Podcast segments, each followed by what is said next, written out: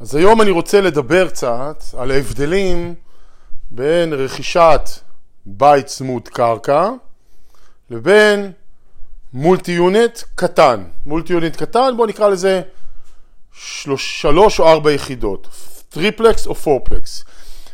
את ה single family home, אני גם, לצורך העניין, אני אקרא לזה, הקטן זה single family ודופלקס, שהם קצת מתנהגים דומה, לא לגמרי, אבל קצת, ו triplex ו fourplex.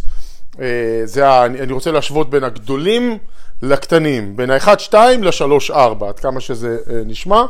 אה, אני לא אדבר כרגע, אולי אני אגע במה שנקרא 5 ומעלה בפרק אחר. אז בואו נתחיל רגע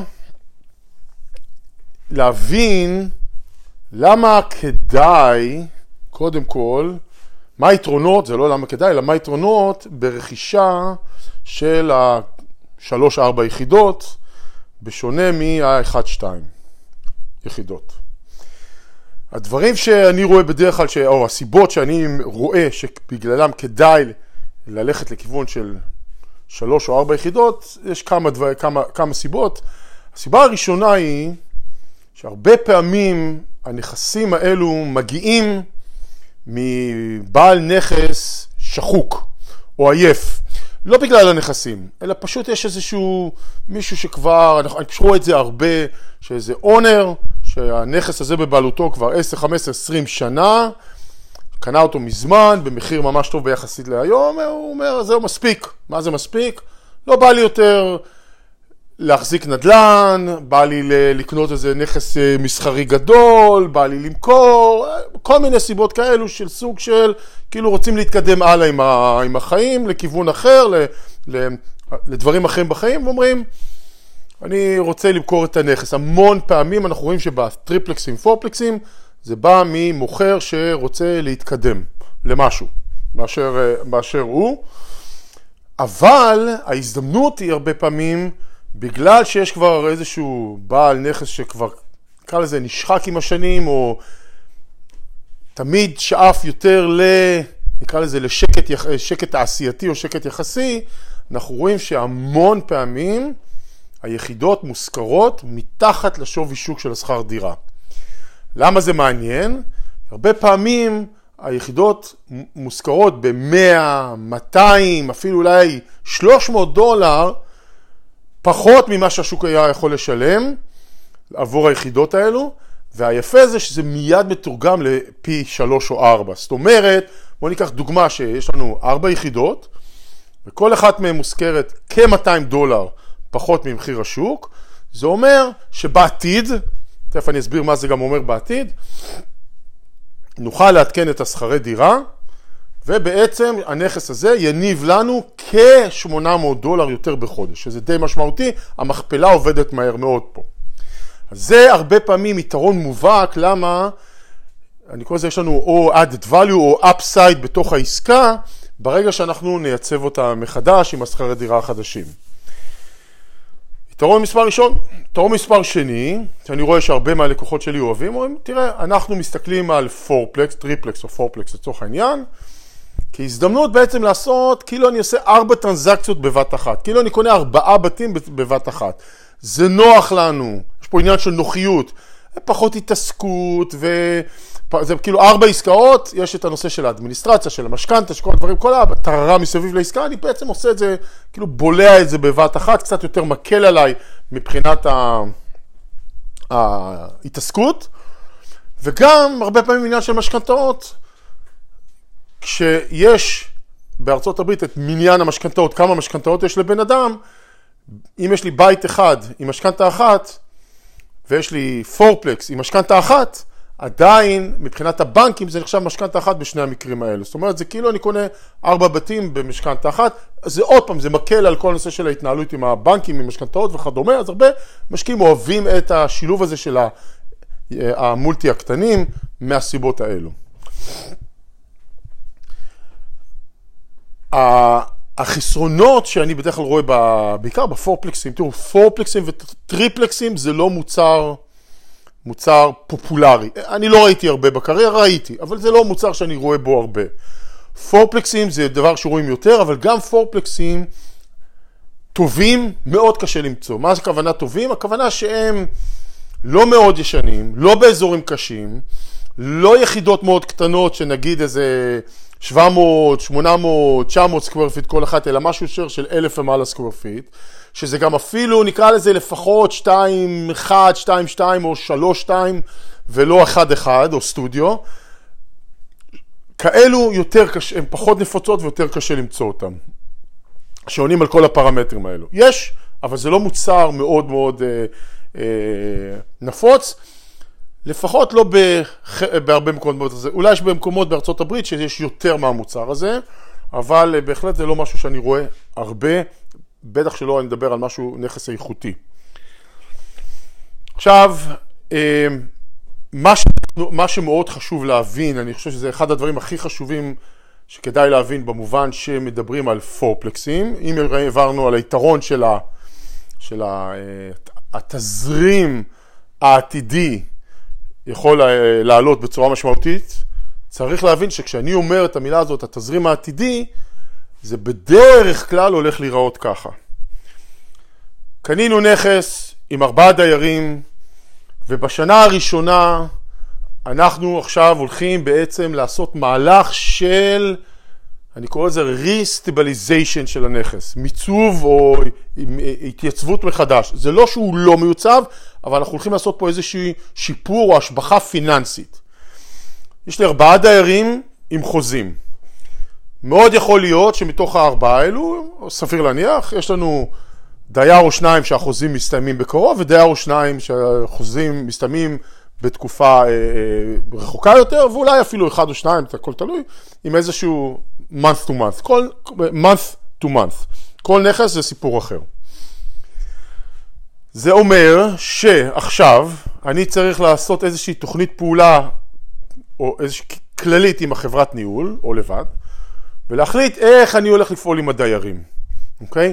מי שיש לו חוזה, אני לא יכול לבוא ולהגיד לו תשלם יותר מחר או שתצא החוצה. אני צריך או לעבוד איתו כדי לפנות אותו יותר מוקדם, שזה מורכב, כי אם הוא יש לו חוזה והוא משלם אין סיבה שיעזוב, או לחכות בסבלנות עד שיגיע מועד חידוש החוזה ואז להגיד לו, דייר יקר, אתה כבר נמצא פה שלוש שנים, אתה בסדר גמור, השוק משלם 250 דולר יותר ממה שאתה משלם, הרווחת מההפקר מאיזשהו אונר שלא העלה לך כי הוא לא יודע למה, אנחנו אה, רוצים להעלות את השכר דירה ובוא תשלם 250 דולר יותר, כמובן שהוא יתנגד, הוא יוצא לשלם לך 100 דולר יותר, נסגור באמצע, סגרנו 150 דולר יותר, כי ככה מתאים לאונר, בסדר? או 200, או 100, או מה שזה לא יהיה.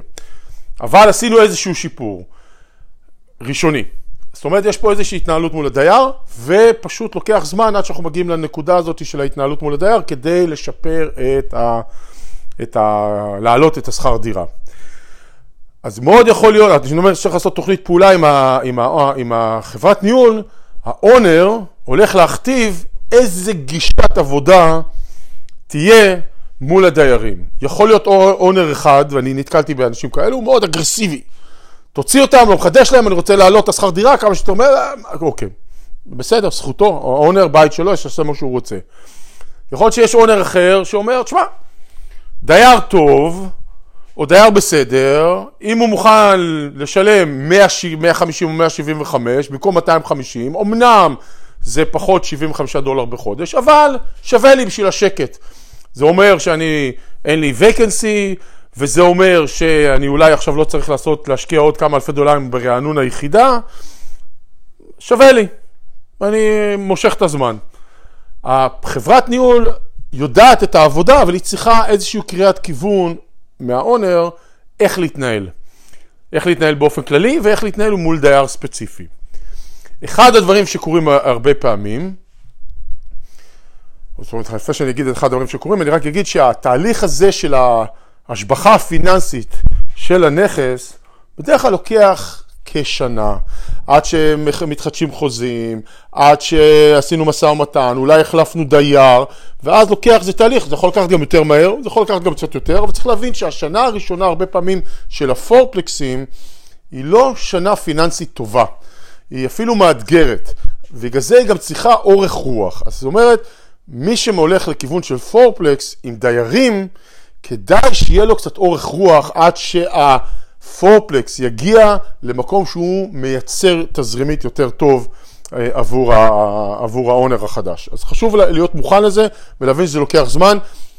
אם יש חוזים, אי אפשר לבעוט אנשים החוצה רק כי בא לנו. אפשר, זה לא כך מומלץ. עכשיו בואו נדבר על הנושא של uh, מה קורה עם דיירים, או איזה דברים אני רואה סימפטומים, התנהגות של דיירים uh, אחרי הרכישה.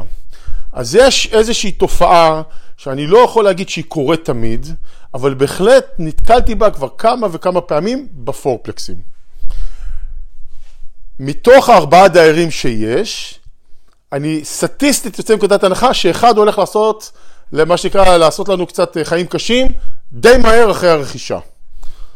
תוך חודש, חודשיים אחרי הרכישה, אחרי ה closing, פתאום מישהו שעד כמה שאנחנו יודעים ודווח לנו ונאמר לנו אה, היה הכל בסדר, פתאום מתרומם ועושה שרירים ועושה כוח, אה, ועושה משחקי כוח ולא משלם וכן משלם ויש לו טענות וכדומה.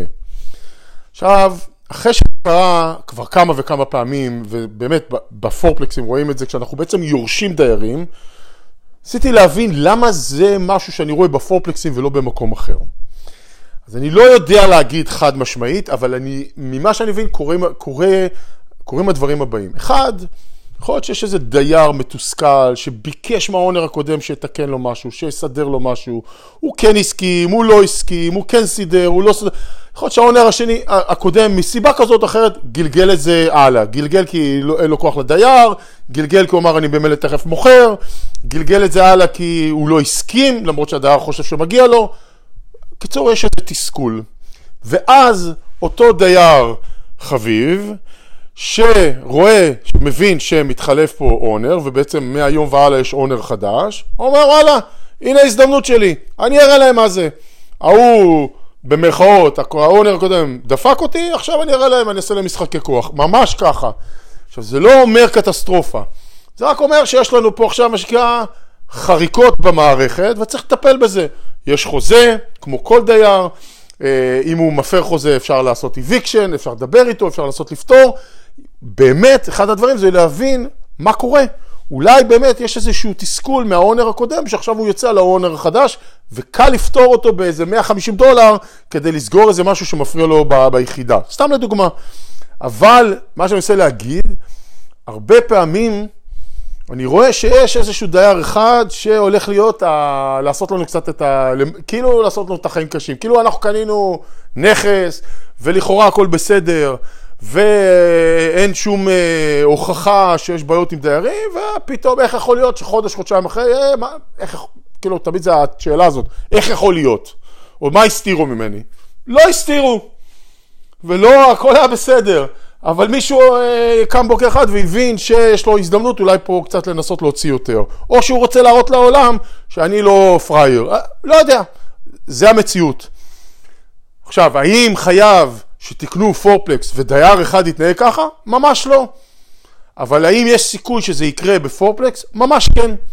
ויכול להיות שגם באמת יש איזה דייר שנגרר שם, שתמיד היה איתו, לא אגיד בעיות, אבל אף, אף פעם לא הלך חלק, והאונר הקודם לא ממש דאג להוציא אותו, ועכשיו אנחנו בעצם צריכים לטפל, האונר החדש נתקל בזה וצריך, אה, מה שנקרא, לטפל, ב, להתעסק עם זה ולפתור את זה.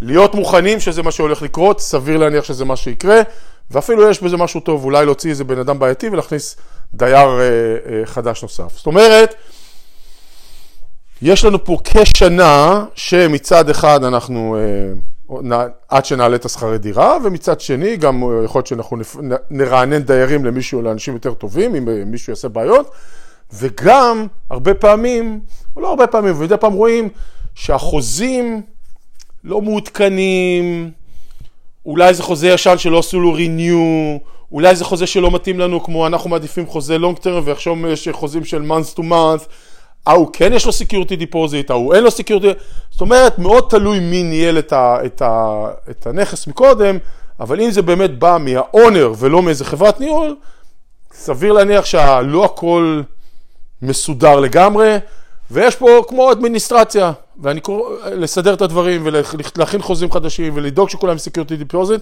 וזה תהליך שלוקח קצת זמן.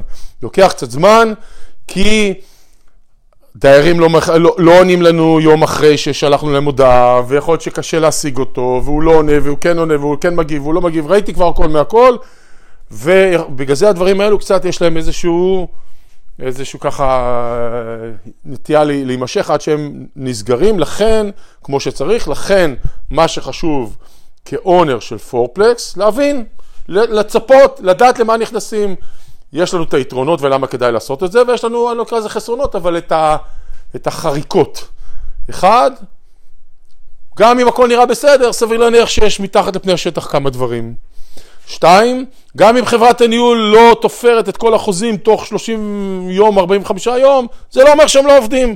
יכול להיות שהם מנסים לעבוד על זה בצורה אנושית ולתקשר עם אנשים מצד שני, קרי דיירים, וזה לוקח זמן לפעמים, ואולי גם דייר אומר, תן לי רגע לבדוק, יכול להיות שאנחנו צריכים לעבור עוד חודש, בוא נדבר עוד, עוד חודש, עוד חודשיים, גם הדברים האלו, והדברים האלו קורים. אז צריך להבין שהשנה הזאת היא הרבה פעמים שנה של קצת יותר חריקות, ואחרי השנה הזאת, זה יכול לקחת חצי שנה, זה יכול לקחת גם שנה וחצי, נוצר איזשהו, מתחיל הנכס יותר לייצר. אז זה מאוד מאוד חשוב להבין ולקבל ולדעת שיש פה סוג של, נקרא לזה יצור קצת שונה מהסינגל פמילי, דייר אחד שהוא נורא נורא פשוט, או אפילו דופלקס, שזה שני דיירים, זה עדיין יחסית קל לנהל ולהתנהל עם זה אה, מול אה, כמובן ארבעה דיירים. ארבעה דיירים, ארבע יחידות, ארבע יחידות, ארבעה מזגנים, ארבעה אה, דודי מים, ארבעה, לא יודע מה, מקררים וכדומה, ואנשים וכל מה שקשור. אז זה אחד הדברים שאם אם אנחנו נכנסים לתוך עסקה של מולטי, בואו נבין לקראת מה אנחנו נכנסים, ונהיה מוכנים לשנה הראשונה מאתגרת. אני רוצה לציין משהו ככה בהקשר הזה של המולטי, בהתחלה ציינתי את הנקודה של האם, או מה הקושי ביחידות, נקרא לזה מחמש, ו... מחמש ומעלה. מה שקורה הרבה פעמים, או נקרא לזה, בטווח שבין חמש יחידות לנגיד 25-30 יחידות, המון פעמים אני נתקל בנכסים שאולי מנוהלים הכל בסדר גמור ואין בעיות, אבל הם לא בהכרח מאורגנים. זאת אומרת, הרבה פעמים האונר, שהוא עושה את זה לבד והוא לא עם חברת ניהול, בוא נגיד הניהול מסמכולוגיה שלו, מעקב חוזים, מעקב כספים, דוחות, תיקונים, בוא נגיד זה לא משהו, משהו מדהים. למה זה, למה זה בעיה עבורי, או עבור משקיעי נדל"ן?